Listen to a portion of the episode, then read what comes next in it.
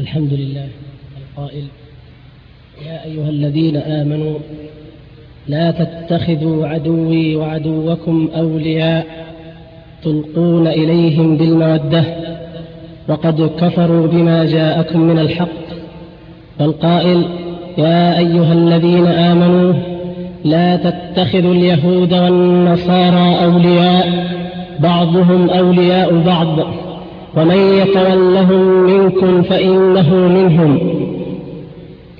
وصلى الله وسلم وبارك على عبده ورسوله محمد صلى الله عليه وسلم القائل إذا تبايعتم بالعينة وأخذتم بأذناب البقر واشتغلتم بالزرع وتركتم الجهاد سلط الله عليكم ذلا لا يرفعه عنكم حتى ترجعوا إلى دينكم. وعلى آله وأصحابه والتابعين الذين جاهدوا في الله حق جهاده ولم تأخذهم في الحق لومة لائم. أما بعد أيها الإخوة الكرام السلام عليكم ورحمة الله وبركاته. وإننا في هذا اللقاء الذي جاء مفاجئا ولكن الله تبارك وتعالى كتب أن يكون لنشكره سبحانه وتعالى على ما من به من هذا الاجتماع ونسأله بمنه وفضله وجوده وكرمه أن يجعله اجتماعا مرحوما وأن يجعل تفرقنا من بعده تفرقا معصوما وأن لا يجعل فينا ولا معنا شقيا ولا محروما وأن يعيذنا وإياكم من فتنة القول كما يعيدنا من فتنة العمل إنه سميع مجيب.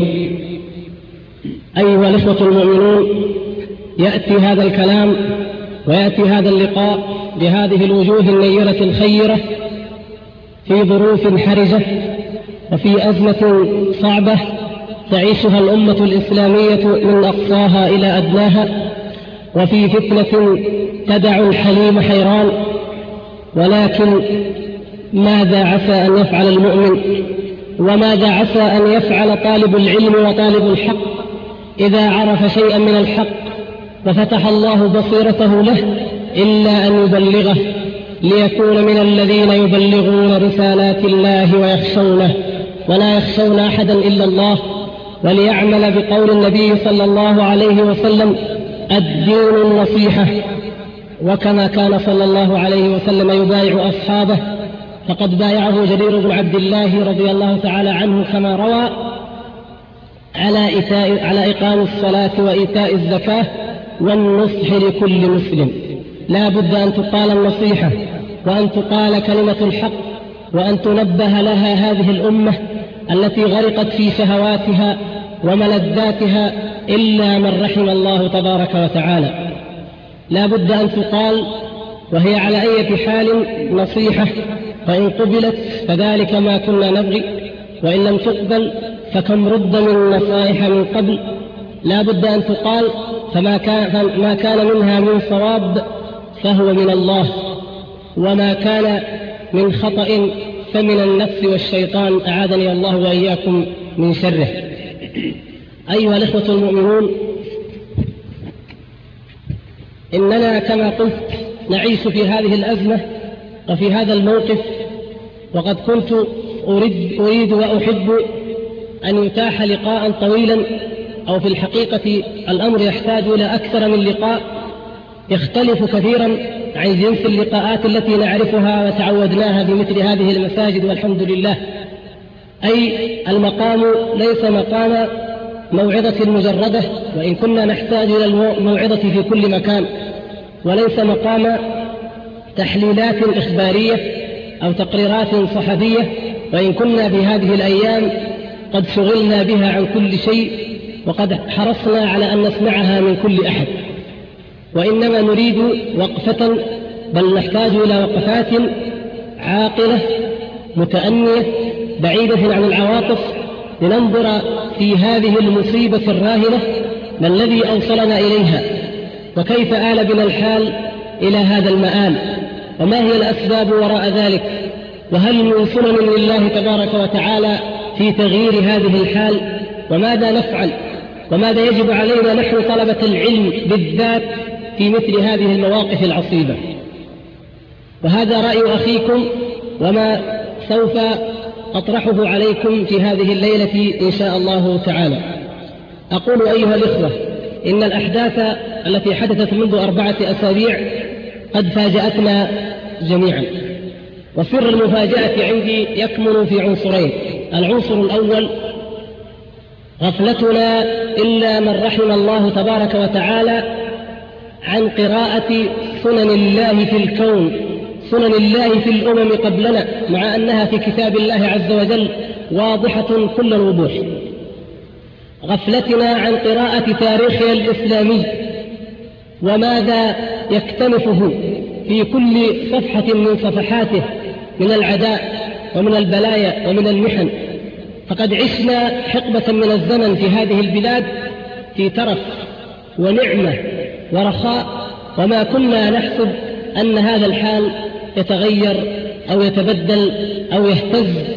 فكأننا قد أمنا عقاب الله وأمنا مكر الله ولا يأمن مكر الله إلا القوم الخاسرون نسأل الله العفو والعافية.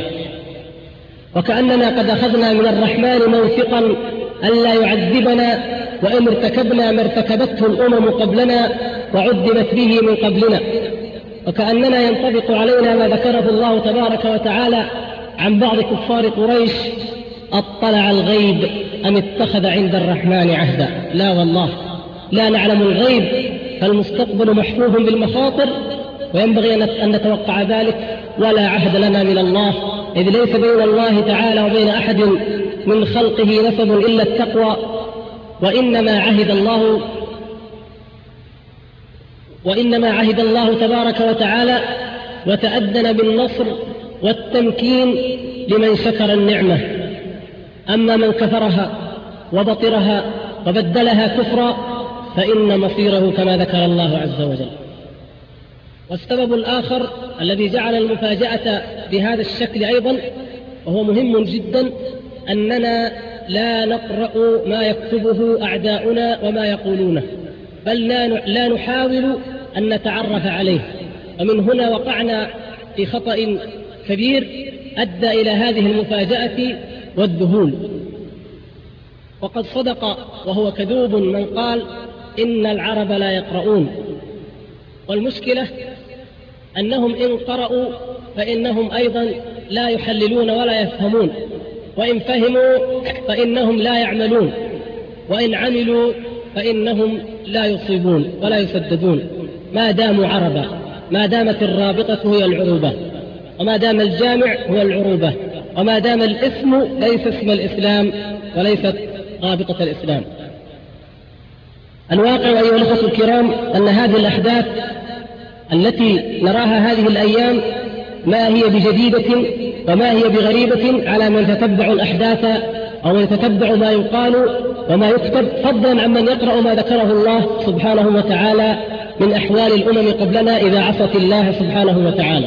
فإن زوال النعم متوقع وإن نقص الأموال والأنفس والثمرات هو الذي يجب أن يتوقع لأننا لسنا على مستوى من الإيمان والتقوى والصبر يؤهلنا لدفع هذا العذاب عنا أو لنكون مجاهدين بدلا من أن نغزى في عقر دارنا ولا حول ولا قوة إلا بالله العلي العظيم.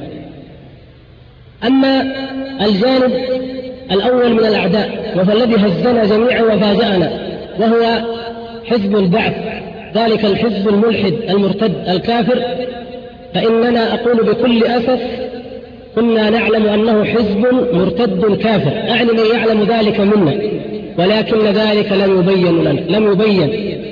لم تقل كلمة الحق كما ينبغي. ونحن الدعاة أول المسؤولين في هذا الجانب. قصرنا كثيرا في توعية الأمة بحقائق هؤلاء القوم. ثم إننا نسينا أنه حزب صليبي والذي أسسه رجل صليبي. وما يزال الرجل الثاني تقريبا فيه صليبي. فكان ينبغي لنا أن نعلم وقد ذكر ذلك ربنا عز وجل أن اليهود والنصارى بعضهم أولياء بعض وأنهم صليبيون يأتوننا بأسماء عربية أو شعارات عربية ويأتوننا بأوجههم بوجوههم الكالحة المكشوفة في العالم الغربي. بل كل عداوته للإسلام واضحة والكل في كتاب الله عز وجل واضح.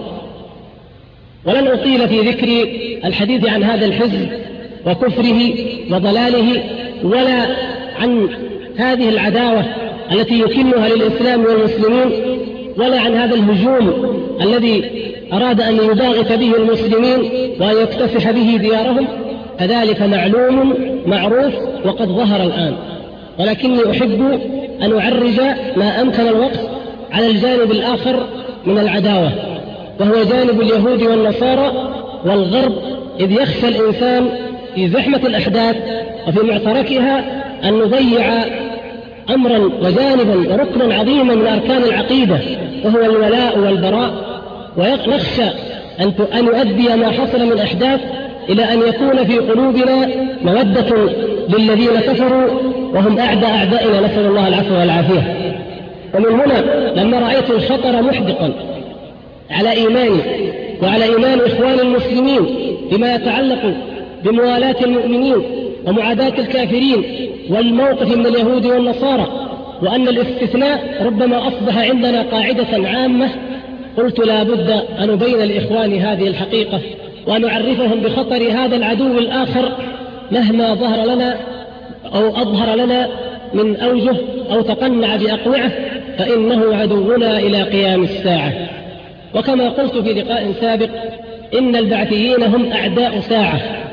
ما هي إلا نطحة أو نطحتان كما جاء في الحديث عن فارس ثم يذهبهم الله عز وجل كما يشاء. ولكن العدو الأبدي العدو الذي هو عدونا إلى قيام الساعة كما أخبر الصادق المصدوق صلى الله عليه وسلم هو هؤلاء الروم الغرب الذين تكالبوا علينا من كل جهة وجاءونا من كل فج عميق فلنقدر الضرورة بقدرها ولكن علينا مع ذلك أن نبحث أسباب هذه الهجمة ولماذا جاءوا وما هي العواقب الوخيمة التي قد تنتج عن وجودهم بيننا ولنكن في كل أمورنا هذه ملتزمين بأمر الله وبشرع الله وبدين الله. ولا مانع أن يذكر بعضنا بعضا بما نسينا أو غفلنا عنه في هذا الجانب.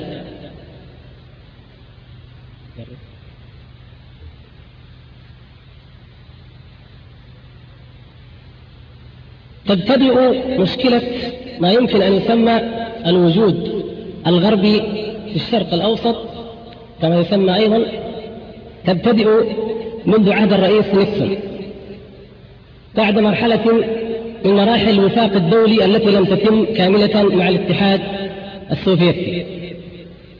وقد ذكر الرئيس نيكسون في مذكراته وهي مطبوعة ومترجمة اللغة العربية موجودة كما ذكر في كتابه الحرب الحقيقية وألمح إلى ضرورة وجود أمريكي في المنطقة في منابع النفط. وعلل ذلك بتعليلات يهمنا منها أنه ركز على قوة العراق وعلى هيمنة العراق وخطر العراق أن يتخذ أداة من قبل الاتحاد السوفيتي أو من قبل زعامات إقليمية فيكتسح منابع النفط ومناطقه. ومن هنا فلا بد من تفكير جاد وعمل جاد لردع هذا العدوان المتوقع. أعقب ذلك مبدأ أو قرار أصدره الرئيس كارتر في 18 أغسطس مثل يعني هذا الشهر عام 1977 ميلادية. أو قبل أي قبل 13 سنة قرر الرئيس كارتر أنه لابد من وجود وحماية عسكرية لمصالحنا في الخليج وكان ذلك بعد تمثيلية الرهائن التي كانوا الذين كانوا محتجزين في طهران وبعد الحدث الرهيب الذي هز الأمة الإسلامية جميعا وهو احتلال الاتحاد السوفيتي الشيوعي لأرض أفغانستان المسلمة المجاهدة الذي كان بعد عملية الرهائن بستة أسابيع. صدر هذا واتخذت اتخذت الاحتياطات العملية للتنفيذ وبدأ في تشكيل هذه القوة في عام 1980 في أول عام 1980 أي أن الأمر رتب له في أواخر السبعينيات ثم في أوائل الثمانينيات قد بدأ في ذلك. وقد شكلت أو عينت الفرقة التي سوف تقوم بالعمل وهي نفس الفرقة التي أول ما قدمت هنا وهي الفرقة الثانية والثمانون. لكي نأتي ببعض الأدلة على هذا ولكي يتضح للإخوة بالواقع بالبينات المقروءة حسيا. آه هذا كتاب قوة الانتشار السريع والتدخل العسكري الأمريكي في الخليج. طبع أو صدر عام 1983 1403 أقرأ لكم بعض الإثباتات منه. الكتاب هذا عبارة عن تقرير تقرير أعد ونشر في مجلة الشؤون الخارجية الأمريكية. وهو تقرير أمني ومع ذلك نشر وترجم إلى اللغة العربية وصدر وطبع عام 1403 كما ذكرنا. يبدأ التقرير بذكر التهديدات التي يمكن أن تجتاح منطقة الخليج. ويذكر ثلاثة منها. أولا العدوان السوفيتي مباشر على المنطقة كما حدث في أفغانستان. والاحتمال الثاني عدوان بواسطة قوة إقليمية أخرى ضد دولة منتجة للنفط والاحتمال الثالث هو الإرهاب أو التمرد أو الثورة داخل الدول المنتجة للنفط. والتقرير نفسه يستبعد الاحتمال الأول ويقول أن الاتحاد السوفيتي لن يفعل ولم يفعل ذلك. وقد تأكد هذا طبعا بعد الوفاق الدولي الذي تم في أيام غورباتشوف أما الاحتمال الثاني وهو القوة الإقليمية فهو الذي ركز عليه كثيرا في هذا التقرير. يقول التقرير إن إمكانية بروز العراق كقوة عسكرية مهيمنة على شبه الجزيرة العربية يشكل تهديدا محتملا وتحديا عسكريا واضحا لمصالح الولايات المتحدة في الخليج. واحتمال وقوع هجوم عراقي على الكويت أو العربية السعودية احتمال يستحق اهتماما خاصا للأسباب الآتية. أولا كان هذا الاحتمال واردا حتى قبل الحرب العراقية الإيرانية ومؤثرا على التخطيط القوات الأمريكية اللازمة لمواجهة احتمالات خارج دائرة اختصاص حلف شمال الأطلس.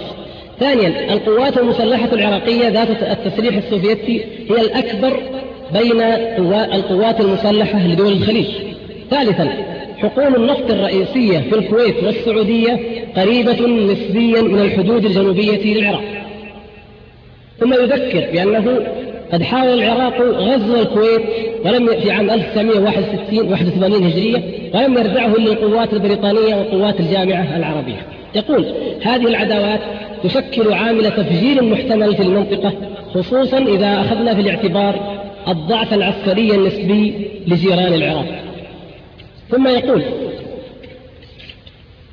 لا جدال في أن استخدام الولايات المتحدة للقوة العسكرية لصالح دولة مهددة من العراق ينبغي أن يستند إلى طلب أكيد للمساعدة من جانب الدولة المهددة إلا أن المشكلة تكمن فيما إذا كان من الممكن ورود مثل مثل هذا الطلب قبل أن يبدأ القتال. وصول القوات الأمريكية المقاتلة قبل الحرب إلى أراضي الكويت والسعودية سوف يعرض شرعية حكومتيهما للشبهة في أعين شعبيهما وفي أعين العالم العربي ككل. ناهيك عن أن مثل هذا العمل قد يتخذ ذريعة لوقوع الغزو الذي جاءت لتمنعه. ثم يقول بعد ذلك إحنا بنحاول فقط التركيز على القضايا المهمة ويعني ما يدل على أنهم يعني وضعوا الحسابات والاحتمالات. يقول إن الحساسية السياسية التي تشعر بها الدول التي يمكن أن تكون دولا مضيفة تجاه أي وجود عسكري أمريكي دائم على أراضيها أمر مفهوم. إن مثل هذا الوجود سيكون بمثابة إثبات لصحة الانتقادات التي يوجهها الثوريون العرب إلى دول الخليج المحافظة بالتزلف إلى الإمبرياليين ومن ثم زيادة الاضطراب الداخلي الذي يشكل أهم التهديدات المحتملة. ثم يؤكد فضلا عن ذلك أن العديد من دول الخليج ما زالت تعتبر دعم الولايات المتحدة لإسرائيل أكثر تهديدا لأمن العالم العربي من احتمال أفغانستان أخرى في شبه الجزيرة العربية. بل إن بعضها يشك في نوايا الولايات المتحدة ويراها طامعة في حقول النفط بالجزيرة. ويذكر أمثلة على ذلك. قائلا يبدو هذا الشك واضحا. في التصريح التالي للشيخ صباح الأحمد الصباح وزير خارجية الكويت. ذكروا تصريحين الأول للسفير الكويتي في أمريكا والثاني لصباح الأحمد الصباح وزير خارجية الكويت هذا قبل عشر سنوات. آه، تعرض أمريكا عليهما أن يفتحوا المجال لإعطاء تسهيلات في المنطقة وتخوفهم بأن العراق سوف يهاجم الكويت. فيكون الجواب يقول يقول يا وزير خارجية الكويت الدفاع عنا ضد من؟ لما تعرضون الدفاع عنا يقول الدفاع عنا ضد من؟ من الذي يحتلنا؟ إننا لم نسأل أحدا أن يدافع عنا ورغم ذلك نجد كل هذه السفن حولنا تطلب تسهيلات هذا كلام الوزير إن المسألة كلها تبدو وكأنها جزء من فيلم بمخرجين اثنين روسيا والولايات المتحدة كيف ستكون نهاية الفيلم؟ ربما باتفاق قوتين الأعظم على أنه حسنا حقول النفط هذه لنا وتلك لكم سوف نقسم المنطقة من هنا إلى هنا. يقول أبدا ما احتجناكم ولا طلبناكم. والسفير أيضا أجاب بمثل هذا القول. قيل العراق تهاجم قال لن تهاجم إخواننا.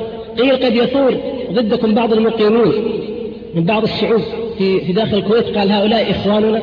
ونشأوا في عطفنا وفي رعايتنا لا يمكن أن يثوروا علينا. ولكن أنتم بصدد إخراج فيلم. تريدون أن تخرجوه؟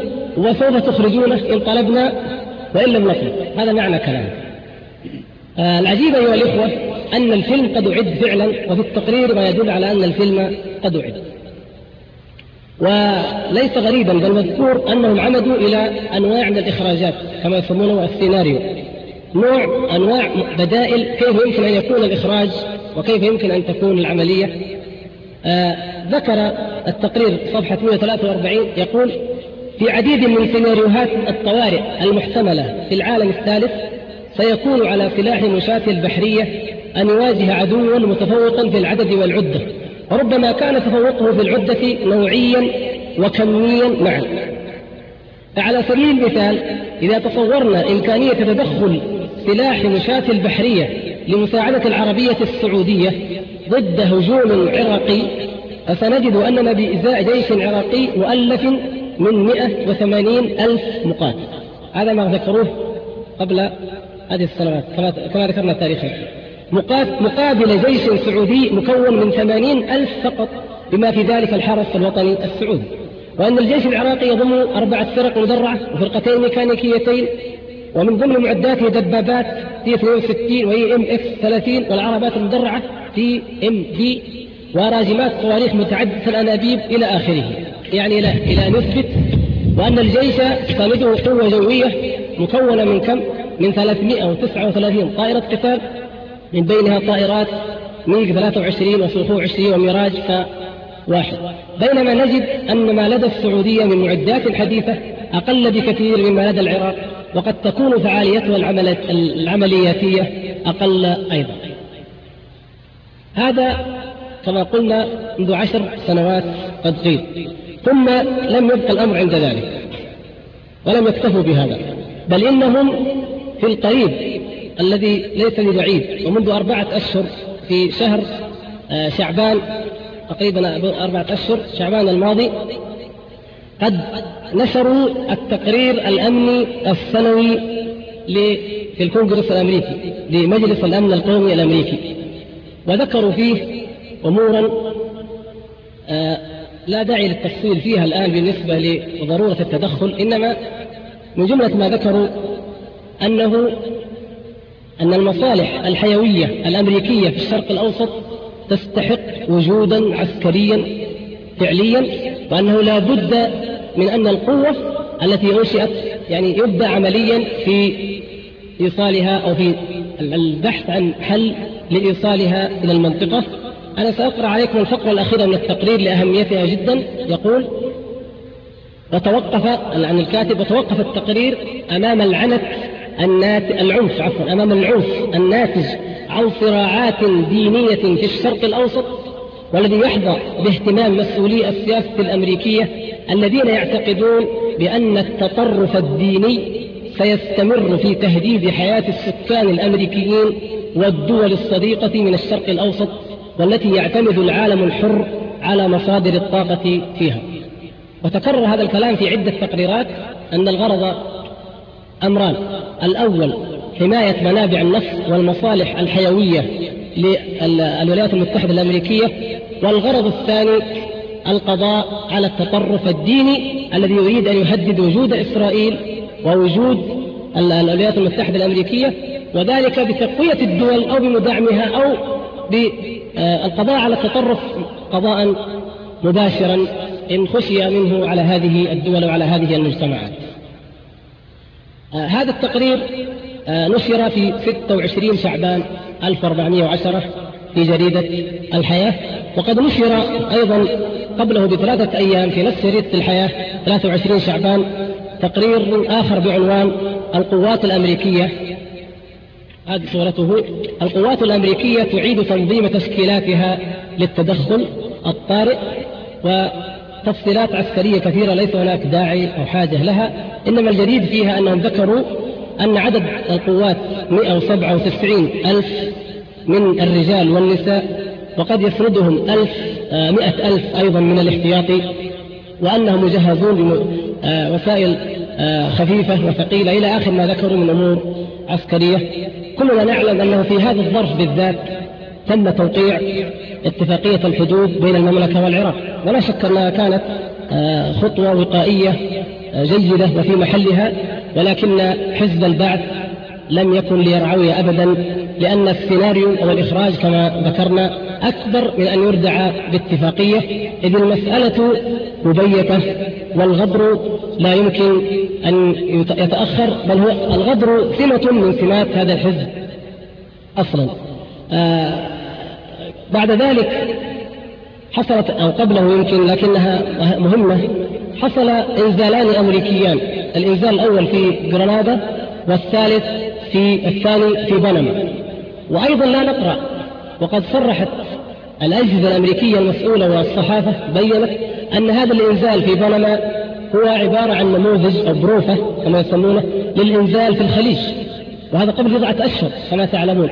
وذكروا من جملة ما ذكروا آه، فيه أن الإنزال في بنما تم إنزال عشرة آلاف جندي في ثمان ساعات والإنزال في الخليج إذا كان يريد إنزال 200 ألف أو 250 ألف فإنه قد يستغرق مدة 21 يوما باعتبار المسافة وباعتبار البعد فيستكمل التجهيزات في خلال 21 يوما. من الأمور التي يجب أن آه، أو ينبغي أن نعلمها أن الإعداد كان جادا وكان صادقا فقد تم تدريب هذه الفرقة الثانية والثمانين وغيرها من مشاكل بحرية تم تدريبهم في صحراء نيفادا صحراء أمريكية في أجواء مشابهة لأجواء الشرق الأوسط وللصحراء العربية وأكثر من ذلك أنهم اختاروا نوعية المجندين والمجندات طبعا اختاروهم من الجنس القريب السحنة من الجنس العربي من الجنوبيين والأصول الأسبانية في جنوب أمريكا وفي أمريكا الوسطى. وأكثر من ذلك أنهم علموهم اللغة العربية باللهجة البدوية وكيف يعيش في الصحراء ويتكلم اللغة العربية ويلبس اللباس العربي. وقد نشر أيضا لذلك آه، عدة آه، كتابات صحفية. من آخرها ما نشر في آه، جريدة عرب نيوز أن أحد هؤلاء الذين يجدون اللغة العربية في الجيش الأمريكي دخل في بعض المحلات في الظهران وفي الخبر وتكلم معهم باللهجة البدوية واشترى وخرج ولم يعرفوه بل ظنوا أنه عربي بدوي مقيم في تلك المنطقة. نعم هذا في عرب نيوز أيضا موجود قبل بضعة أيام. آه القضية التي حقيقة آه تستحق أن نقف عندها لننتقل إلى الحل وإلى العلاج بعد ذلك وهو المهم جدا أن هؤلاء الناس مهما قلنا عن الضرورة التي جاءوا من أجلها أو المبرر الذي جاءوا من أجله وعن أن الموقف ما كان يحتمل إلا ذلك هذا شيء ندعه الآن جانبا ولكن كواقع أصبح واقعا وأصبح ملموسا بين أيدينا. ماذا يجب علينا أن نفعل إزاء هذا هذه إزاء هذه المشكلات؟ يجب أن نشير إلى ما نشر وهو منشور واضح آه، في الصحافة الصحافة الأمريكية وفي غيرها عن بعض المخاطر التي يجب أن نتنبه لها نحن المسلمين في هذا المجال. من ذلك ما نشر في آه، أيضا صحيفة عرب نيوز نقلا عن محلات آه، لبيع أدوات التجميل وكريمات ودهانات الحرارة. العنوان صفقة سنوية يعني يريدون تضخيم صفقة البيع لمجمع تسويق كيمارت. آه، عبارة عن طلبات نسائية تحتوي على هذه يقول أنه طلبها المجندون الذين سيذهبون إلى الخليج المجندات. آه، خمسة ألاف وخمسمائة زجاجة من كريم منعم للجلد 2400 علبة لطرد الحشرات 5500 أنبوبة مرطب شفايف 5500 علبة بودرة أقدام 5500 زجاجة لكريم الجلد ضد الشمس. طبعا لا يخفى على أحد منكم في أي شيء سوف تستخدم هذه إذا استخدمت وفي أي مكان يمكن أن تستخدم. قضية أخرى لابد أن نعيها جانبا وأن نحذر والله تعالى أمرنا أن نأخذ حذرنا وأمرنا أن لا نركن إلى الكفار وأن لا نصدقهم وأن نحتاط من باب الاحتياط على الأقل وهي أنه ظهرت عدة تصريحات آه، غريبة في الواقع. ونشرتها الصحافة الأمريكية وبعضها موجود أمامي الآن على قلة تتبعي وضعفه جدا في هذا المجال لكنها في أعداد الأسبوع الماضي وما قبله عن أن هذه القوات سوف تقيم طويلا إن خرجت وسوف تقيم إقامة طويلة. الرئيس آه، بوش آه، بنفسه آه، صرح الأسبوع الماضي بأن وجود القوات الأمريكية رهن باستقرار الأوضاع في المنطقة.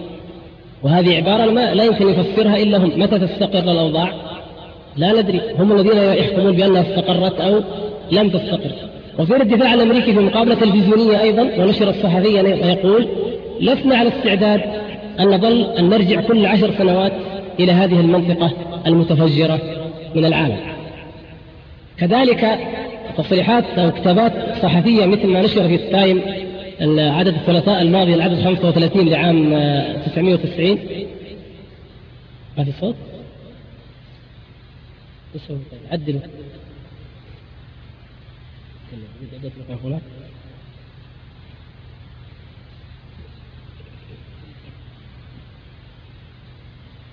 خفف نعم والجهاز هنا ما في واضح؟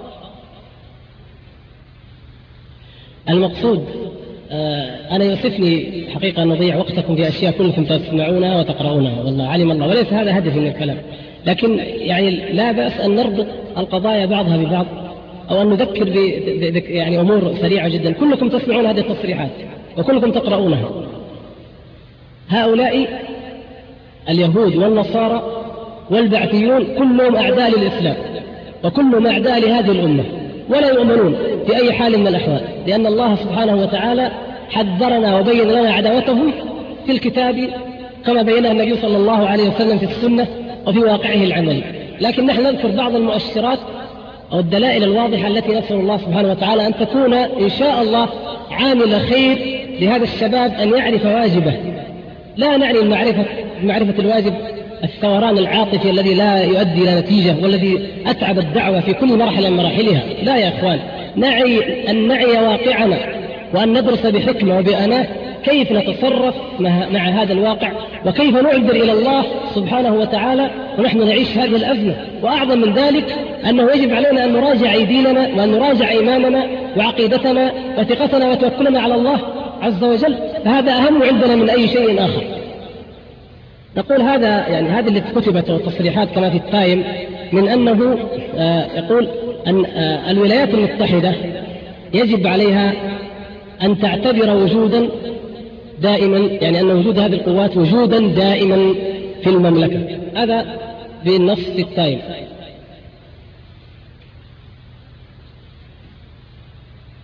على أي حال أيا كان الوجود دائما وغير دائم هو موجود وهو بأعداد كبيرة وهو لا يخفى عليكم الآن. ويجب أن نعلم أمورا مهمة وكلكم إن شاء الله لا تخفى عليه لكن لابد من التذكير بها.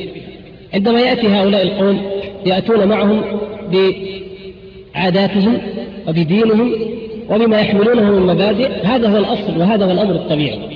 نحن كنا نشكو في الرياض وفي جدة وفي غيرها نشكو دائما من أعمال هؤلاء الكفار مع ضعفهم النسبي قبل هذه الأيام مع قلة عددهم أيضا قبل أن يكثروا بهذه الكثرة مع كل هذه الأمور والاعتبارات ومع ذلك كنا نشكو الهيئات تشكو الجيران يشكون المجمعات السكنية تشكو مما يحدث فيها ولا غرابة فهؤلاء الكفار هذه حياتهم.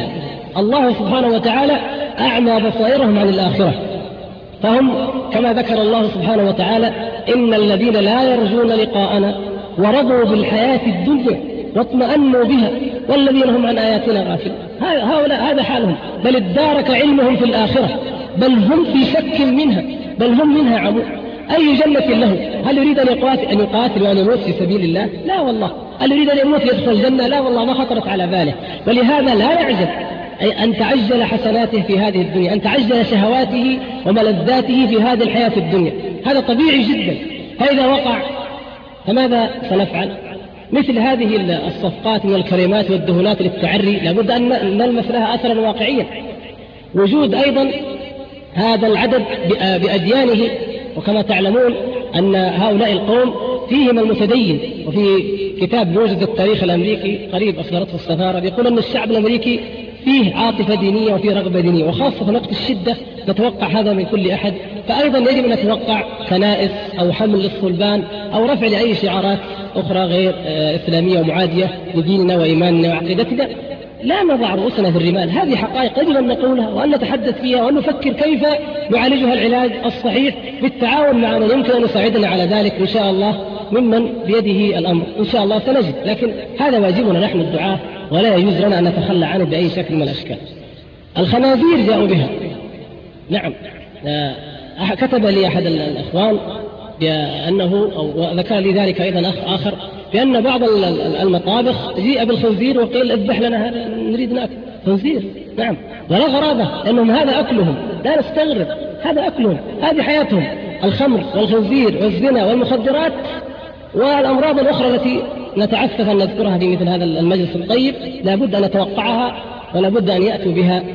ولا تكفي. أقول هذا ليذكر الدعاة بواجبهم. لا تكفي أبدا الأوامر أو احتياطات أو قرارات. الأوامر يؤمر بها المسلمون. تؤخذ التعهدات التعهدات على المسلمين أنفسهم. فلا يلتزمون بها ولا ينفذونها وترون ما ترون من المدرسات. وقد أخذت عليهن التعهدات الوثيقة ومن المضيفات ومن الممرضات. وقد أخذ عليهن أقوى التعهدات. لا بد من الدعوة إلى الله سبحانه وتعالى. الدعوة هي الحل. لا بد من الدعوة إلى الله. الدعوة إلى الله في هذه المجمعات إلى دين الإسلام بل الدعوة إلى الله تعالى في قلب المجتمع الأمريكي إن مما يجب أن نقوله أيها الإخوة الكرام أن الشعب الأمريكي في الغالب هو فعلا شعب حر ولا سيما في التدين وأن كثيرا منهم إذا عرض عليه الإسلام فإنه يسلم. وبعض الإخوان في أمريكا حدثونا أنهم لا يستطيعون أن يستوعبوا الداخلين في الإسلام من كثرتهم والحمد لله. لأنه دين الفطرة لأنهم يعيشون في قلق وفي معيشة ضنك وفي ضيق لا يعلمه إلا الله سبحانه وتعالى. وهذه أمور لمستها ولمسها لمسها كل أخ زار تلك البلاد بنفسه وبأم عينيه. فالواجب إذا يا إخوان هو على الدعاة في مثل هذا الباب. سيأتوننا بكل المفاسد ولا نتوقع إلا ذلك ولا يجوز لدعاة الإسلام أن يضعوا رؤوسهم في الرمال وأن يتناسوا هذه الخطأ هذا الخطر المحدق وأن يغفلوا عن أن هذا الواجب لن يقوم به إلا أنتم أيها الشباب وإلا أنتم أيها الدعاة فاتقوا الله فيما حملكم الله سبحانه وتعالى من هذا الواجب وادرأوا عن, أم عن الأمة الخطر بقدر ما تستطيعون هناك أمور يجب أن تكون نصب أعيننا ونحن نتحدث عن هذه المشكلة وعن هذه الأزمة الخطيرة وهي أن ما أصبنا به وما خططوا له وما جاءوا به فإنما هو بسبب ذنوبنا وبسبب تفريطنا في أخذ العدة والاستعداد لمواجهة أعداء الله وأخطارهم أي لأننا عصينا الله وخالفنا أمر الله سبحانه وتعالى. وما أهون الخلق على الله إذا خالفوا أمره. كما قال أبو الدرداء رضي الله تعالى عنه لما بكى عندما رأى أسرى قبرص. قال ما أهون الخلق على الله إذا خالفوا أمره بينما هم ملوك في بلادهم وإذا هم هكذا أسارى في أيدي المسلمين. نعم. ما حل بنا والمصيبة هي عامة يجب أن نفكر جديا في أسبابه ثم أن نتخذ الحلة ولا بأس أن أن نطرح وجهة نظرنا والكل يعرف وكل كلنا إن شاء الله متفقون على أكثرها وهي أولا أنه يجب علينا أن نعيد النظر في حياتنا جميعا ولا أعني الأوضاع العامة بل حتى في أوضاعنا الخاصة. كل منا في خاصة نفسه كيف ذنوبي؟ كيف أعمالي؟ كيف علاقتي بالله؟ كيف صلتي بكتاب الله عز وجل؟ لماذا سلط علينا أعداؤنا إلا بذنبي؟ كل منا يفتش عن نفسه. ومن مصائبنا نحن المسلمين مع الأسف أن الذنوب تقع والمصائب تقع وسرعان ما تعلق بمحجب معين. يقال التقصير كان من الحكومة. يسكت الناس. التقصير من العلماء. التقصير من الشعب التقصير من الفرقة الفلانية من الجيش ما موقعها التقصير من كذا. دائما في جميع أمورنا نحن المسلمين نحاول أن نجد مشجبا ونعلق عليه كل الأخطاء وهذا غير صحيح من سنة الله سبحانه وتعالى. كل منا مسؤول كل واحد منا مسؤول. وبذنوب كل واحد منا يلحقه شيء من هذه المصائب ويعفو الله تعالى عن كثير. ويعفو عن كثير كما ذكر سبحانه وتعالى. هذا بذنوبنا نحن بضعفنا بإهمالنا ما الذي غير فينا دخول هؤلاء الأعداء وهذا الهجوم البعثي ثم ما تلاه من تكالب صليبي؟ ما الذي غير فينا وما الذي جعلنا نرجع إلى الله سبحانه وتعالى ونرجع إلى ديننا كما أخبر النبي صلى الله عليه وسلم. الأمر والحال كما ترون والله مسلم كل تبرج أو فسق أو استهتار في الأسواق أو في المجلات الداعرة أو في الكتب أو في الشعر الماجن أو في الأغاني الخليعة ومحلات بيعها أو محلات بيع الفيديو أو في وسائل الإعلام نفسها كل ذلك كما كان والله المستعان. هذا ما تغير. أي بنك ربوي أقفل بعد أن جاء الهجوم وقلنا يا ناس يجب أن نرجع إلى الله لأن الله سبحانه وتعالى يقول فإن لم تفعلوا فاذنوا بحرب من الله ورسوله. نحن نحارب الله الآن أم نحارب هؤلاء؟ لم لم يقع أي شيء من ذلك بل إن إننا نحاول أن ندعم هذه البنوك لأن الناس بدأوا يسحبون الأرصدة فنريد أن ندعمها لئلا تتأثر أو غير ذلك تشبهنا بالكفار وتقليدنا لهم في حياتنا في سلوكنا في معاملاتنا هل تغير؟ هل قلنا كيف نتشبه بأعدائنا؟ الشعارات التي كنا نرددها الأمة العربية والقومية العربية والواجب العربي وما أشبه ذلك هل تركناه؟ هل نسخناه من صحافتنا التي كانت قبيل فترة تقول الحملة الظالمة على العراق؟ وكانت الصحافة الغربية تذكر شنائع حزب البعث وأنه دمر المسلمين الأكراد وأحرقهم بالغاز السام وتقوم الصحافة العربية كلها وتقول هذه حملة ظالمة على العراق يشنها الغرب. ونحن نعلم أن الأمر كذلك والآن اعترفنا بأنه كذلك وغير ذلك. نلغي هذه الشعارات. نحن أمة الإسلام. نحن أمة واحدة. نحن كالجسد الواحد.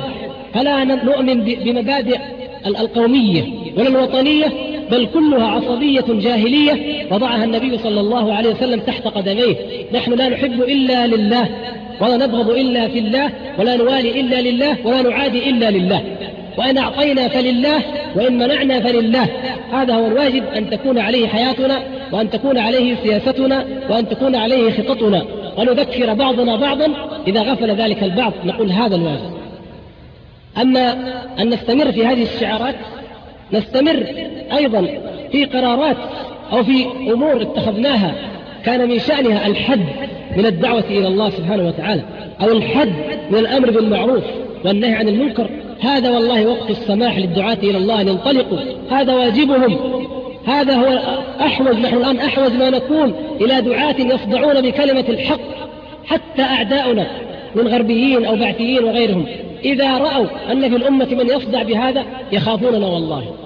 ولا مانع أن نظهر حتى لو كان على سبيل الإظهار أمام الأعداء بأننا طائفتين. مثلا طائفة تسكت ولكن طائفة تنكر فنكسب الموقف بالاختلاف بين هاتين الطائفتين مثل ما يفعلون بنا. لو كانوا على ولو على سبيل التخطيط الأمريكان إذا إذا طلبوا من الإدارة الأمريكية شيئا اعتذرت بأن الكونغرس يرفض. لماذا نحن أيضا لا نقول العلماء يرفضون الدعاة يرفضون؟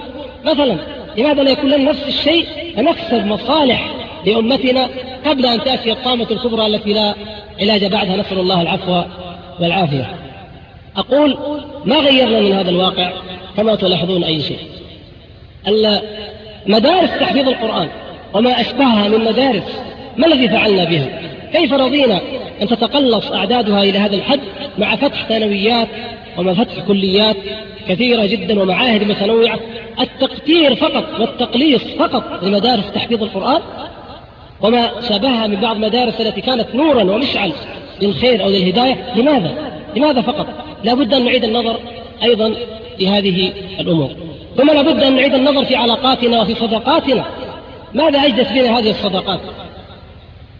كل دولة وقفت ضدنا أو تحفظت على قرارات نرى أنها في صالحنا فهي دولة أعطيناها أبلغ العطاء والعراق نفسه أعطيناه أعظم العطاء. ومما يدل على أن الأمر مرد يعني مبيت ومرتب. ما سمعتموه بالأمس تصريحات الرئيس المصري أن العراق أراد أن يقدم له رشوة قبل سنتين.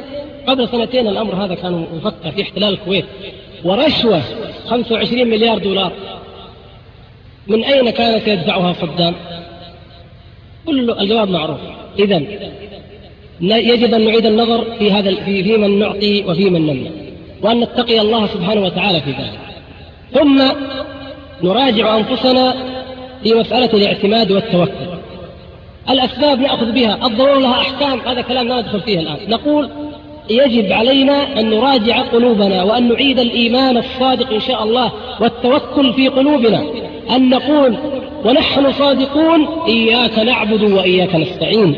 لا نستعين إلا بالله سبحانه وتعالى ولا نستعين على أعداء الله بأعداء الله نتيجة تفريط منا نحن كنا السبب فيه. أن نكون صادقين مع الله وفي الاستعانة بالله وفي التوكل على الله سبحانه وتعالى. ولو أخلصنا أعمالنا لله وصدقنا في التوكل على الله لنصرنا الله سبحانه وتعالى نصرا مؤزرا كما سمعنا في الآيات. إنا لننصر رسلنا والذين آمنوا في الحياة الدنيا ويوم يقوم الأشهاد. انظروا في الحياة الدنيا. ولينصرن الله من ينصره. إن الله لقوي عزيز. الذين إن مكناهم في الأرض أقاموا الصلاة وآتوا الزكاة وأمروا بالمعروف ونهوا عن المنكر. قبل ذلك يقول إن الله يدافع عن الذين آمنوا. إن الله لا يحب كل خوان كفر أن نكون متوكلين على الله وحده معتصمين بحبل الله وحده مؤمنين بالله وحده. ثم علينا أن نأخذ بالعلاج وبالحل القرآني العلاج الذي جعله الله سبحانه وتعالى مانعا لوقوع العذاب إذا أدرك أمة من الأمم. يقول الله عز وجل ولقد أرسلنا إلى أمم من قبلك فأخذناهم بالبأساء والضراء لعلهم يتضرعون فلولا إذ جاءهم بأسنا تضرعوا ولكن قست قلوبهم وزين لهم الشيطان ما كانوا يعملون فلما نسوا ما ذكروا به فتحنا عليهم أبواب كل شيء حتى إذا فرحوا بما أوتوا أخذناهم بغتة فإذا هم مبلسون. فقطع دابر القوم الذين ظلموا والحمد لله رب العالمين. ويقول في سورة أخرى وما أرسلنا في قرية من نبي إلا أخذنا أهلها بالبأساء والضراء لعلهم يضرعون. يضرعون. يريد الله عز وجل منا الضراعة إليه واللجوء إليه وأن نعلم أنه لا ملجأ ولا ملجأ منه إلا إليه وأنه لن ينصرنا إلا هو وأن بيده كل, كل شيء إليه سبحانه وتعالى وأن إلى ربك المنتهى إليه المنتهى وهو خالق كل شيء خالق الأسباب وخالق المسببات وهو الذي إن شاء سلط عليهم عذابا من عنده أو بأيدينا يدافع عنا إذا كنا صادقين معه بما يشاء كما يشاء سبحانه وتعالى. ولكن نحن أين نحن من هذا؟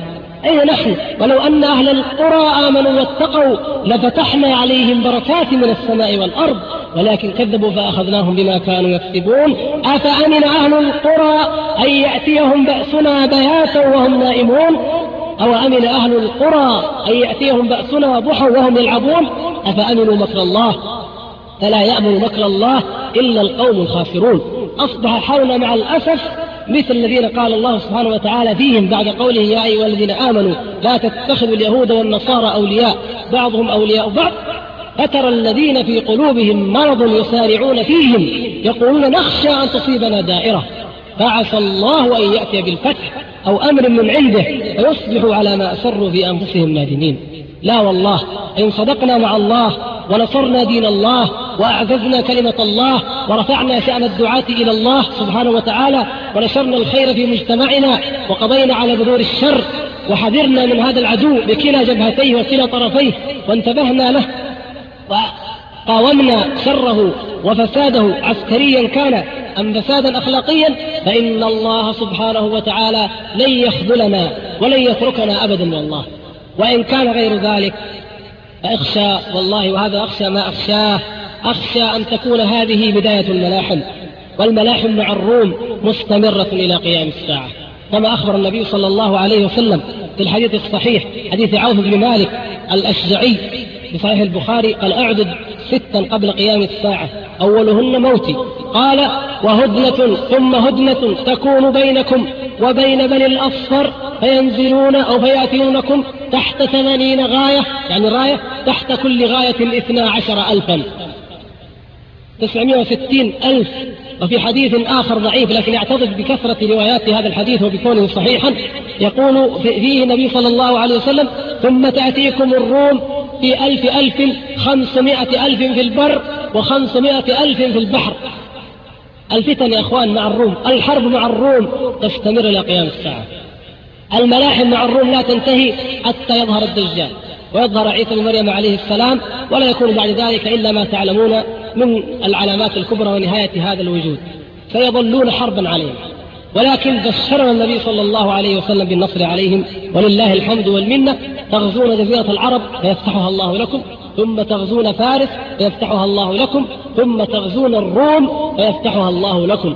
ولكن هذا غزو الروم وحرب الروم بعيد المدى.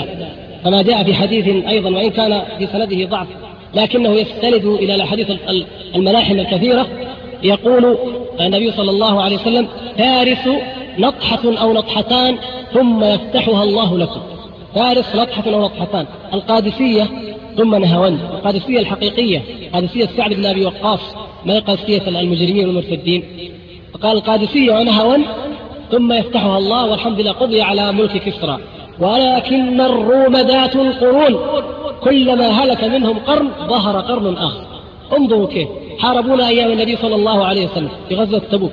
ثم حاربوا أيام أبي بكر رضي الله تعالى عنه وكانت اليرموك وما بعد اليرموك. ثم جاءوا في الحروب الصليبية وحاربهم نور الدين وصلاح الدين رضي الله تعالى عنهما ورحمهما على ما بدلا لأنهما أعطيانا العبرة والقدوة في حالة الضعف. كيف يمكن أن ننهض؟ كما هو حالنا الآن في هذا الضعف والذل والهوان. نسأل الله أن يرفعه عنه. ثم جاءوا في الحروب في الاستعمار كما سمي الاستعمار. ثم جاءت هذه الهجمة التي لا يعلم عاقبتها إلا الله. ونسأل الله سبحانه وتعالى أن تكون نهايتها للمسلمين ولكن بالشروط التي ذكرناها إن شاء الله تعالى. فالروم ذات القرون كلما هلك منهم قرن ظهر آخر. أهلك الله الإنجليز وقد كانوا يخافون أشد الخوف ويخشون أشد الخشية من دعوة التوحيد بهذه الجزيرة. وأي أخ منكم وكلكم الحمد لله تطلعون على التاريخ أي أخ في التاريخ الحديث متخصص سيجد الوثائق البريطانية فيها العجب العجاب. دراسة الدولة السعودية عند أول نشأتها الأولى ثم الثانية ثم الثالثة وخوفهم ورهبتهم من وجود هذه الدعوة دعوة التوحيد. كان الإنجليز يخافون أشد الخوف. قرن من قرون الروم ظهر وحارب الإسلام والمسلمين طويلا ثم دمره الله وبقي إلا كما ترون. ثم جاء قرن آخر وهو الأمريكان. وقد يأتي قرن ثالث والله أعلم كيف تنتهي الأمور. المهم هذا عدو أبدي مقيم لا تنتهي عدوته إلى قيام الساعة. ولا بد أن تعد العدة له. ولن تكون هذه العدة أمورا أو تصرفات عجلة. ننبه الإخوة ليست تصرفات عجلة ليست عواطف تثار ولكنها حرب طويلة الأمد. أول ما نبدأ به الآن في مرحلة في مرحلتنا هذه نشر الدعوة إلى الله. نشر الضراعة إلى الله سبحانه وتعالى. نشر اللجوء إلى الله وحده سبحانه وتعالى. أن نعلم أنفسنا والناس التوكل على الله وحده. نشر مفاهيم وعقيدة الولاء والبراء في الله سبحانه وتعالى. هذا أول مرحلة. ثم تأتي مرحلة الجيل الذي ذكره الله سبحانه وتعالى بعد آيات الولاية مباشرة التي قرأناها في سورة المائدة. يا أيها الذين آمنوا من يرتد منكم عن دينه؟ أي فيوالي الكفار؟ أو يكون مثلهم من يرتد منكم عن دينه فسوف يأتي الله بقوم يحبهم ويحبونه. أذلة على المؤمنين أعزة على الكافرين يجاهدون في سبيل الله ولا يخافون لومة لائم هذا الجيل سيخرج بإذن الله سبحانه وتعالى. ولن يخرج إلا من هذه المحن لن يخرجه إلا مثل هذه المحن ومثل هذه الفتن والشدائد؟ لأنه سيخرج صلب العود قوي الإيمان متماسك البنيان بإذن الله سبحانه وتعالى. فلنعد له العدة الآن بتمهيد عام ونشر عام للعقيدة الصحيحة في كل المفاهيم التي سبق أن قلناها. ثم بعد ذلك تكون كما قلت الملاحم مع الروم وهي ملاحم ستطول ولكنه قدر هذه الأمة. تنزل الروم سوف تنزل بالأعماق تنزل بدابق اليهود كما أخبر النبي صلى الله عليه وسلم سوف يقاتلوننا سوف تكون معارك طويلة جدا ولكن إذا كنا مع الله وصدقنا مع الله فسوف ينصرنا الله سبحانه وتعالى. إذا يترك بقية الوقت للمناقشة مع كثرة ما عندي لكن ما أحب أن أستطرد به إذا نقول يا إخواني إن الأمر لم يكن مفاجأة إنها عملية خطط لها ورتب بأدلة كثيرة. وإن الأمر أيضا لن يكون بالسهولة التي نتصور بأن هؤلاء الأعداء لن يفسدوا أو لن يفعلوا ما يضيرنا وسيرحلون عنا بهدوء أو بأمن أو سلام. لا نعني فقط دولتنا هذه. الأمة الإسلامية عموما المنطقة عموما كلها تهمنا كلنا أمة مؤمنة. إن الكويت قد احتله العراق. نعم. ولكن مقابل هذا الاحتلال احتلت. الأساطير الغربية والعالم الغربي وعلى رأسه أمريكا احتل منطقة المحيط الهندي والبحر الأبيض المتوسط والشرق الأوسط بأكملها وأصبحت تحت هيمنته وإن هذا أيها الإخوة ولو كان المجال يتسع لأفضت في هذا هذا إحدى علامات الوفاق الدولي التي لعلكم تذكرون ما قد قلناه فيها بمحاضرة سابقة. إحدى ثمرات الوفاق وتريد منه أمريكا مصداقية الوفاق الدولي فالاتحاد السوفيتي فعلا التزم بالقرارات الدولية وفعلا هو جزء من الغرب وفعلا هو داخل ضمن الهيمنة الأمريكية وليس له رأي منفرد. وكما سمعنا مرارا وتكرارا ويشهد له الواقع لم يسبق للغرب في أي مرحلة من مراحل تاريخه أن توحد بمثل هذه مثل هذا الاتحاد إلا في الحروب الصليبية الأولى. حتى في الحرب العالمية الثانية كان هناك محور شرقي ودول حلفاء. أما هذه المرة الكل توحد. ألمانيا غيرت دستورها من أجل أن تشارك في, هذه العملية. دستورها غيرتها الغرب توحد. ولم يتوحد إلا لأهداف بعيدة المدى. بعيدة المدى. يؤلمني جدا ويؤلم كل مؤمن أن تظل هذه الأهداف خفية وبعيدة عن كثير من الناس. ويشهد الله ويعلم أني لو رأيت من قال هذا الكلام ومن وضحه لما احتجت أن أقوله. لكنها والله أمانة يجب أن نقولها. ما تآلبوا ولا تكالبوا إلا لأمر عظيم. فيا شباب الإسلام أعدوا للأمر عدته. ولا يحتاج أن أذكركم بل وأكرر أول العدة الضراعة إلى الله. فلولا كانت قرية آمنت فنفعها إيمانها إلا قوم يونس. لما آمنوا كشفنا عنهم عذاب الخزي في الحياة الدنيا ومتعناهم إلى حين.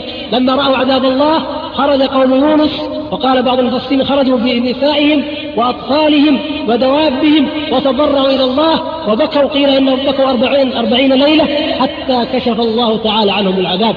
والله تعالى يقول ولقد أخذناهم بالعذاب فما استكانوا لربهم وما يتضرعون. إذا استكانوا وتضرعوا كشف الله تعالى عنهم العذاب.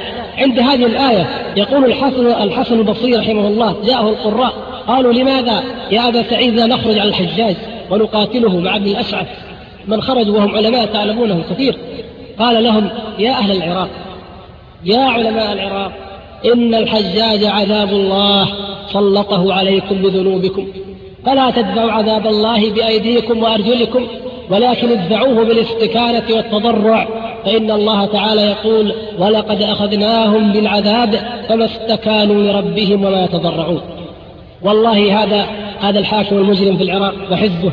والله ما هم إلا ذنوبنا وإلا مخالفاتنا لكتاب ربنا وسنة نبينا صلى الله عليه وسلم وشريعته وسياسة الخلفاء الراشدين. والله هذه نتيجتها. هذا هو هذه عقوبة الله لنا ونحن بأيدينا دفعنا ثمنها. فنسأل الله عز وجل توبة وإنابة وتضرعا يدفع به عنا هذا العذاب وهو القادر على كل شيء.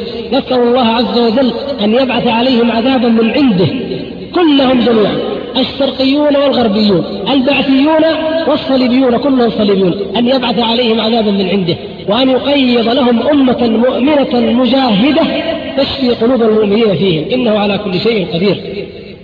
فأحب أن أقف عند هذا الحد أيها الأخوة الكرام لأفسح المجال لأسئلتكم وكل ما قلته كما ذكر فهو رأي رأي أخ أحبكم في الله سبحانه وتعالى وأحب أن أبرئ ما في أمانته أو شيئا من ذلك لعله أن يصل إلى أذان صاغية إن شاء الله فيكون في ذلك إعذارا إلى الله ويكون في ذلك بإذن الله سبحانه وتعالى يكون منه حل وفرج قريب وأوصيكم ونفسي بأن آه، تلجأوا إلى الله تعالى جماعات وفرادا وأن كل منكم يدعو الله فإنه كما قال صلى الله عليه وسلم إنما تنصرون وترزقون بضعفائكم يا إخوان.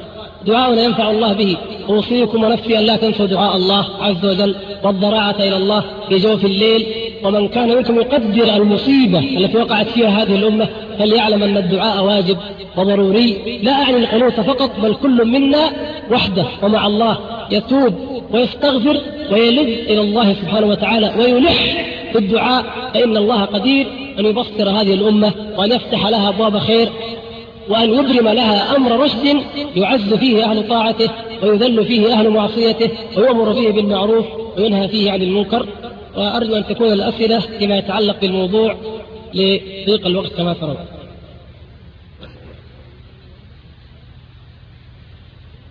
أخي سائل يقول بعض الشباب عندما جاءت هذه القوات اطمأن وفرح حتى أن بعضهم يقول نريد أن نريد أن تحتلنا؟ معقول؟ نريد أن تحتلنا أمريكا وتضع نجمة من نجومها على علمنا علم التوحيد نسأل الله العفو والعافية. يكفيكم يكفيك من شر سماعه. يكفيكم أن, أن تسمعوا مثل هذا الكلام لتعلموا مقدار حاجة الأمة إلى العقيدة الصحيحة وإلى بيان عقيدة الولاء والبراء وإلى بيان ما حذر الله تبارك وتعالى منه من عداوة الكفار لنا وضررهم علينا. ونسأل الله لهذا الأخ الهداية والتوبة. يجب عليه أن يتوب وأن يستغفر الله وأن يعلم أنه قد قال قولا عظيما ونخاف على إيمانه والعياذ بالله.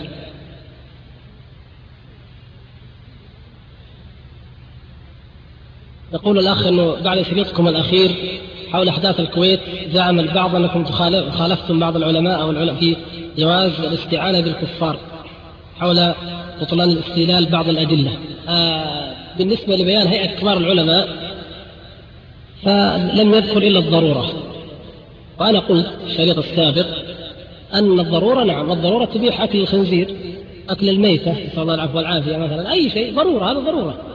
لكن قلت أنا لا أتكلم عن الواقع وهل الضرورة موجودة غير موجودة هذا بل يعني ذكرت آه، يعني ما سمعتم في حول الموضوع حول موضوع الواقع. لكن أقول إذا بقي الاستدلال بالضرورة يصبح الخلاف في تطبيقها على الواقع هل هي ضرورة وغير ضرورة. أما إذا استدل بأدلة غير صحيحة فيجب على الإنسان أن يتكلم وأن يقول. الأخ يقول بيان هيئة كبار علماء لا ليس بيان هيئة كبار علماء أي دليل؟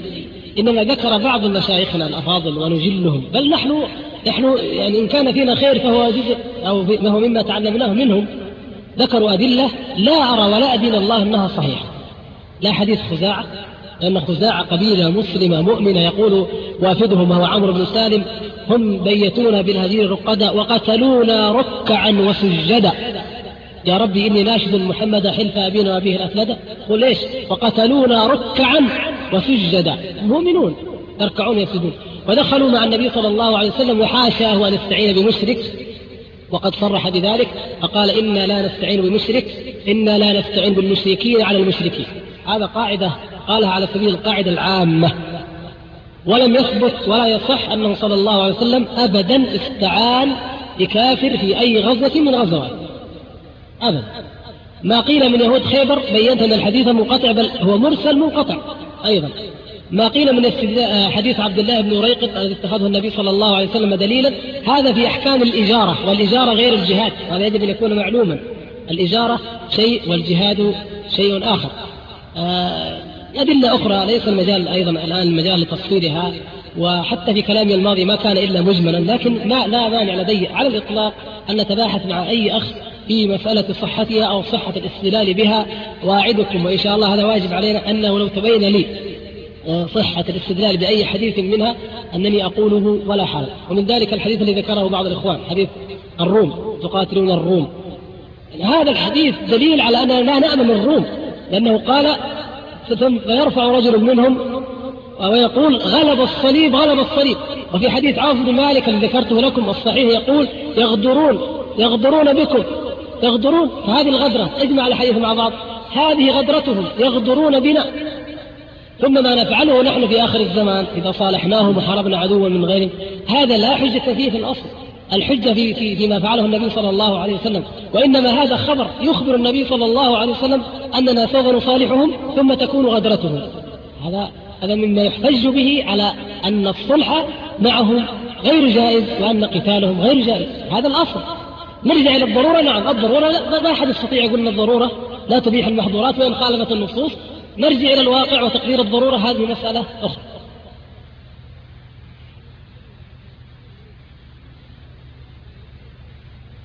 يقول أخ هل هذه هي الفتن التي تخرج من من نجد أو من العراق؟ هذه إحدى الفتن. الفتن من قبل المشرق كما أخبر النبي صلى الله عليه وسلم. آه، فتن. حتى حتى الرواية الفتنة يعني اسم مراد به الجنس. جنس الفتن يكون من المشرق عموما أكثر ما جاء. انظروا إلى الجناح الغربي من العالم الإسلامي. كم ظهر فيه من فتن في القديم والحديث؟ قليل. يعني فتنة ابن تومرت مثلا بعض الدولات الخارجية التي قامت هناك. آه نعم. عادية لكن بالنسبة للشرق فتن وراء فتن. ما انتهينا من فتنة الخميني إلا وجاءت فتنة البعثية. وقبلها وقبلها فتن دائمة. وأيام الصفويين من قبل ثم في من آه، قبل ذلك كان الباطنية ثم جاء هولاكو وجيش التتار من الشرق. فتن عظيمة جدا. هل هذه إحدى الفتن؟ نسأل الله أن يحمينا وإياكم ويحمي بلادنا منها. آه، نريد منكم شرح حديث لا يغلب 12 ألف من قلة. نعم يعني العبرة ليست بالعدد. العبرة ليست بالعدد. فلا اثنا عشر ألفا ليس فيهم. تارك الصلاة لا يغلبون من قلة. يعني إن غلبوا فليست غلبتهم وهزيمتهم آه، ليست لقلة العدد ولكن لضعف لسبب آخر لسبب آخر غير القلة. وفي هذا بيان أننا لا نحارب أعداء الله تعالى بعددنا ولا أيضا بعدتنا وإنما نحاربهم بأننا مؤمنون وهم كافرون. كما كتب عمر بن الخطاب رضي الله تعالى عنه إلى سعد بن أبي وقاص. وإنما يغلب المسلمون عدوهم بتقواهم لله ومعصية عدوهم له فإذا استوينا نحن وهم في المعصية كان لهم الفضل علينا في القوة.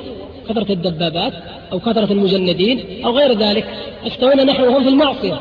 وأمر آخر أحب نذكر به أنه إذا عصاه من يعرفه سلط عليه من لا يعرفه. هذه من سنن الله وذكرها الله تعالى في القرآن في أول سورة الإسراء. عندما سلط نبوخذ نصر أو بخت نصر كما قد يطلق عليه على بني إسرائيل فجاسوا خلال الديار وكان وعدا مفعولا. يسلط الله سبحانه وتعالى على من كان مؤمنا أو المؤمنين إذا عصوه وخالفوا أمره وألقوا كتاب الله وراء ظهورهم ولم يحكموا دين الله وشرع الله يسلط عليهم الكافر المشرك الذي لا يؤمن بالله أصلا عقوبة وعذابا لهم حتى يرجعوا إلى دينهم.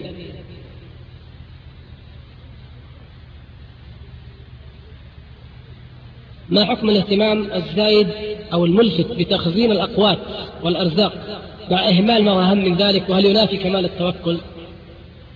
ينطبق عليه ما ذكره النبي صلى الله عليه وسلم في الحديث أننا منا ركنا إلى الدنيا. حب الدنيا وكراهية الموت وأخذنا بأذناب البقر اشتغلنا بالزرع وتركنا الجهاد. أيضا أصبح همنا هذه الدنيا الطعام والشراب. كان العربي في الجاهلية يهجى دع المكارم لا ترحل لبغيتها واقعد فإنك أنت الطاعم الكافي. سبحان الله ما كان يهجى به العربي في الجاهلية ويأنف منه. الآن نحن نفرح إذا بشرنا به. انتظروا والطعام موجود والشراب موجود كل شيء الله الحمد لله انبسط. هكذا. وهذا في الجاهلية ما هو في الإسلام. ما هو في المؤمن الذي يعلم أن أن الشهداء أحياء عند ربهم يرزقون.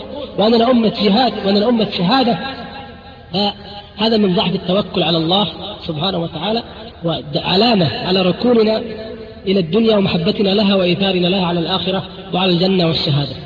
طبعا لا يعني هذا أن الإنسان لا يأخذ بالأسباب في وقتها أو متى ما جاءت ولكن هذا الهلع عندما يدب إلى القلوب والنفوس من قلة الأرزاق أو من الغازات السامة والكيماوية أو من غيرها ويجعلنا نتصرف تصرفات أشبه بالمعتوهين أو المذعورين والأمر بعيد ولم ولم يصل إلى هذا الحد. والحمد لله سواحلنا ضخمة وموانئنا كبيرة على البحر وعلى الخليج ومنافذنا عالمية واسعة والعالم محتاج أن يبيع لنا محتاج هو الذي يحتاج أن يبيع لنا المؤن أو غيرها. يعني هذا أمر يدلنا على ما يجب أن نكون عليه من الإيمان بالله وأننا يجب أن نعد العدة أصلا للتقشف لحياة تقشف حقيقية. إن كنا فعلا نريد أن نجاهد في سبيل الله سبحانه وتعالى مع أنه ما نقصنا المال بالحقيقة ما نقصنا المال ولا نقصنا الرجال. يعني التعبئة العامة أي بلد في العالم يواجه حالة حرب فإنه من بديهيات العمل العسكري أن التعبئة العامة هي تعبئة أو جمع 10% من السكان. أي بلد في العالم ممكن يعد 10% من السكان. والعراق إلى حد الآن لم يعد العشرة في المئة كلهم مثلا وغيره. فنحن لو أعددنا عشرة في المئة ويعني نقدر نعبي ذلك؟ والله لن يقف أمامنا أي قوة. المال موجود. لسنا نحن فقط حتى الكويت حتى غيرها. الحرب الآن ليست مجرد حرب بشر وكثرة عدد وكثرة دبابات. المؤمن الصادق والجاد وإن لم يكن مؤمنا كما هو حال الدول الغربية يعد العدة. بالإمكان وضع حواجز رهيبة جدا بمليارات. لا يستطيع دبابات صدام أن تتعداها ولا تتجاوزها. كان بالإمكان أقول فعل ذلك. لكن ليست المشكلة في العدد ولا في العدة ولا في المال المشكلة هل أردنا؟ ولو أرادوا الخروج لأعدوا له عدة. هل أردنا؟ نحن في عصر إذا لم تكن ذئبا أكلتك الذئاب. هذا شعار العالم. هذا شعار العالم. ومن لم يكن من كان جاهلا فليعلم. كل ما قيل من أن هؤلاء إخواننا وهؤلاء جيراننا ومعاهدات دولية بيننا وبينهم وأمريكا ما بترضى وروسيا ما بترضى كله تبخر ساعة العدوان. وذهب. إذا ما ما الحل؟ الحل وأعدوا لهم ما استطعتم من قوة ومن رباط الخيل ترهبون به عدو الله وعدوه. أبدا لا يستطيع أحد أن يفكر يعتدي عليك إذا علم لديك القوة الكافية لردعه. ولله الفضل منا. أعطانا إمكانيات بشرية ومادية وحدودية وقبول عند المسلمين هم ألف مليون. يعني الحمد لله لم يعطى لأي أمة ولا لأي بلد. فإن صدقنا مع الله وأردنا الجهاد فوالله لنستطيعه وحدنا. وبمفردنا ولينصرنا الله سبحانه وتعالى ينصرنا ولنفتح البلاد أيضا ولندخلها جميعا تحت شرع الله وتحت حكم الله. وإن أبينا إن تتولوا يستبدل قوما غيركم ثم لا يكونوا أمثالكم يقول أخي أن إسرائيل تلتزم الصمت هذه الأيام مع علمي بدورها الأكيد في القضية. هل وضحتم دور إسرائيل في الأحداث؟ ما في ظرف مر على إسرائيل أفضل ولا أحسن ولا أنسب من هذا الظرف. التجمعات العربية تفككت وانهارت. الأمة العربية كما تسمى وليس ليس في تاريخنا شيء اسمه أمة عربية. نحن أمة إسلامية. لكن كما نستخدم كما يقولون هم ما عاد في شيء اسمه أمة عربية. ولعل هذا من فضل الله. الآن ما في شيء أمة عربية والحمد لله. وإنما هناك مسلمون وهناك من انحازوا مع غير الإسلام. ماذا تريد إسرائيل؟ أي فرحة أعظم من هذه الفرحة؟ نسينا مشكلة اليهود المهاجرين. منذ الأحداث أنا أقول عن نفسي ولعل أكثركم يوافقني هل سمعتم من أعاد موضوع المهاجرين أو ذكره؟ انتهى المهاجرين. الانتفاضة تأتي أخبار قليل عنها ولكننا تركناها. الكويت وكان من أكبر إمدادات الانتفاضة. انتهى وذهب. المستعان. نسينا قضايا إسلامية كبيرة تهم أمريكا وتهم أيضا إسرائيل نسيناها مع الحدث نسينا أفغانستان نسينا فطاني نسينا الفلبين نسينا أريتريا نسينا مسلمي التاميل مسلمي سريلانكا يقتلهم هؤلاء التاميل وأمثالهم يقتلون هذه الأيام بالمئات يذبحون. باكستان لأن أقوى دولة إسلامية أنا قلت ما في وقت أفصل بعض الأمور. لأن أقوى دولة يمكن أن تهب لنجدة المسلمين في هذه الظروف تسلط عليها الهند وقضية كشمير نعم. في آه، تركيا من زمان جعلوها تابعا لهم ويريدوا أن يستغلوا هذه الأحداث ليجعلوها من ضمن دول الحلف الأطلسي كاملة وهو حلف قديم أصله من شروطه أن لا يكون فيه إلا دول نصرانية. أصله الحلف المقدس الذي أنشئ من ثلاثة قرون وأكثر وكان يضم الدول النصرانية فقط. يعني قضوا علينا. أقوى دولة وأكثر دولة عربية بشريا مثلا مصر ممكن أن تؤثر على إسرائيل وعلى غيرها. لو لم يكن عندها من مشكلة الآن إلا هؤلاء الألوف والذين عادوا بدون أعمال لكانت مشكلة على مشاكلها السابقة. على أن أساس المشاكل جميعا هو ما ذكرنا لكن نقول من حيث النظرة القريبة إسرائيل هذا يوم فرحتها الكبرى. ومع ذلك إسرائيل قد تدخل عسكريا. إحدى سيناريوهات المعارك يعني الأفلام الخيالية التي تعرض أنه ممكن انه لو تطورت الأحداث فقد تزال دولة الأردن من الوجود عن طريق أن إسرائيل تدخل إلى تقتحم عن طريق الأردن وتهاجم العراق أو فيما بعد أن يرى أن هذه الدولة يعني تبقى هي الوطن القومي أو الوطن الفلسطيني للفلسطينيين فتغير فيها الأوضاع وهذا من قديم وهم يهددون ويلوحون به الأمريكان وقد يعني قد يعجلون به الله أعلم متى ما أراد. المهم أي دولة في المنطقة قريبة من إسرائيل أو بعيدة إلا وهي الآن فيما يشغلها عن إسرائيل ولا حول ولا قوة إلا بالله العلي العظيم.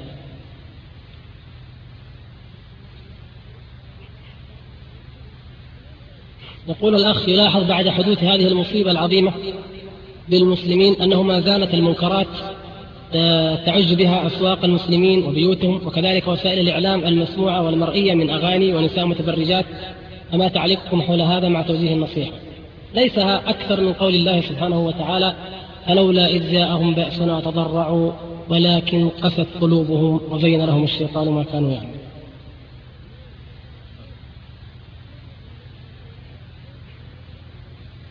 يقول الأخ ما هو نصحكم لمن همه تصيد ومتابعة الأخبار من وسائل الإعلام بدون تمييز ولا وعي ولا رجوع إلى الشرع وأهل العلم. نرجو منكم التوضيح من من مع الكلام عن ضرر كثير من وسائل الإعلام المضللة.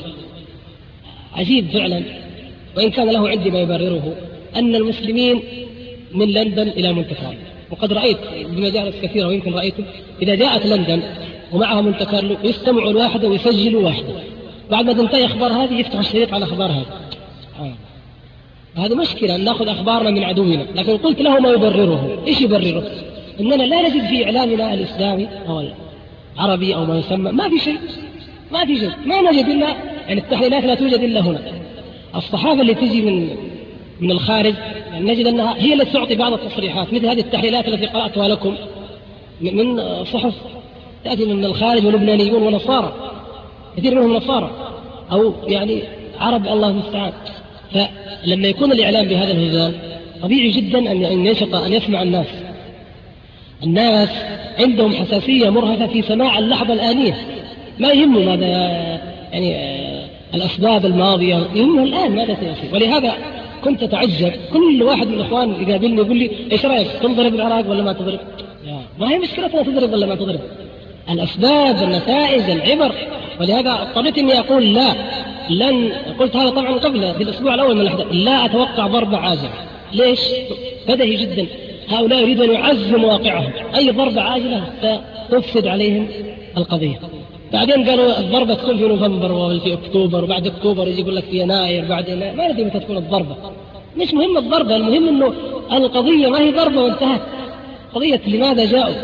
الإعلام لا شك أنه مضلل لا سيما الإعلام الخارجي ويجب أن ننتبه من هذا الجانب وأن نصحح أوضاع أوضاعنا الإعلامية وأن يكون فيما حدث من قصور واضح لإعلامنا عبرة وعظة للمسؤولين عليه أن يتقوا الله وأن يكون الإعلام على مستوى الأحداث إن شاء الله تعالى ثم نحن الشباب المسلم أوقاتنا ثمينة يا إخوان فرطنا في طلب العلم هذه الأيام فرطنا في صناعة المواعظ فرطنا في أشياء كثيرة كان عندنا أنا أقول عن نفسي كان عندي بعض موضوعات أريد أن أتكلم فيها وإذا بالشباب والاتصالات والناس والكبار لا أريد أن أتكلم إلا بهذا الحدث.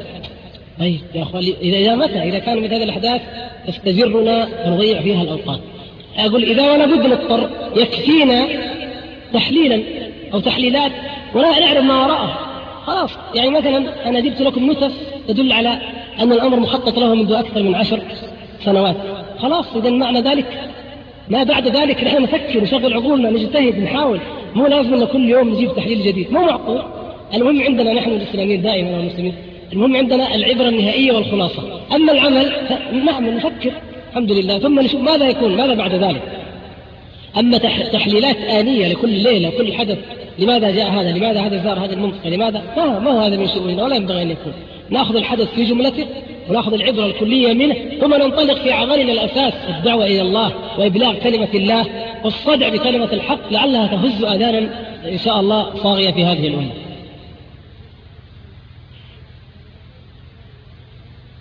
يقول الأخ أين علماء المسلمين الموضحين للحق في مثل هذه الأحزاب قبل الأحداث ولأعمالهم الخبيثة؟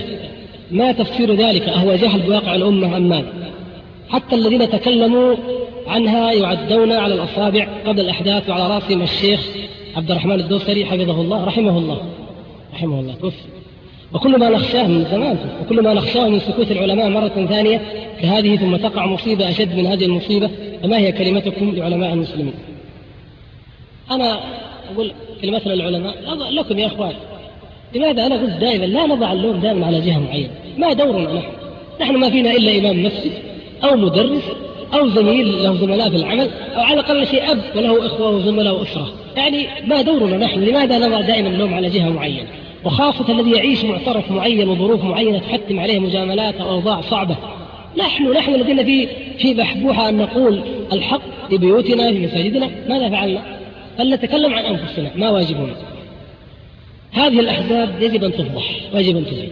ونعوذ بالله نعوذ بالله نعوذ بالله ثلاثا أن يأتي يوم نصطلح فيه نحن وصدام ثم يرجع مسلما ويأتي إلى هذه الديار المقدسة. نعوذ بالله هذه مشكلتنا. ليس لنا ولاء ثابت. وليس لنا عداوة ثابتة. هذا هذه سياسة الغرب الذي يقول نحن لا نعرف عداوات ثابتة ولا ولا صداقات ثابتة ولكن نعرف مصالح ثابتة. يقول لا. إن تاب وآمن ورجع الإسلام فالله المستعان. إخوانكم في الدين لكن نقول المشكلة أن تصلح الأوضاع سياسيا ثم يرجعون الأخوة العربية ولا أحد يتكلم. لا. يقول هذا لا يجوز. إذا أردنا ذلك فلنضع أمام الناس وقد كررت هذا وكرر نضع أمام الناس المعايير الإيمانية العقدية الصحيحة في الولاء والعداء ونعلمها لهم. نفضح حزب البعث حزب البعث جناحين يحكم دولتين ولو أحزاب في دول أخرى. الآن نحن نتكلم كل كلامنا تروى عن جناح واحد وعن دولة واحدة. هذا أيضا يصلح؟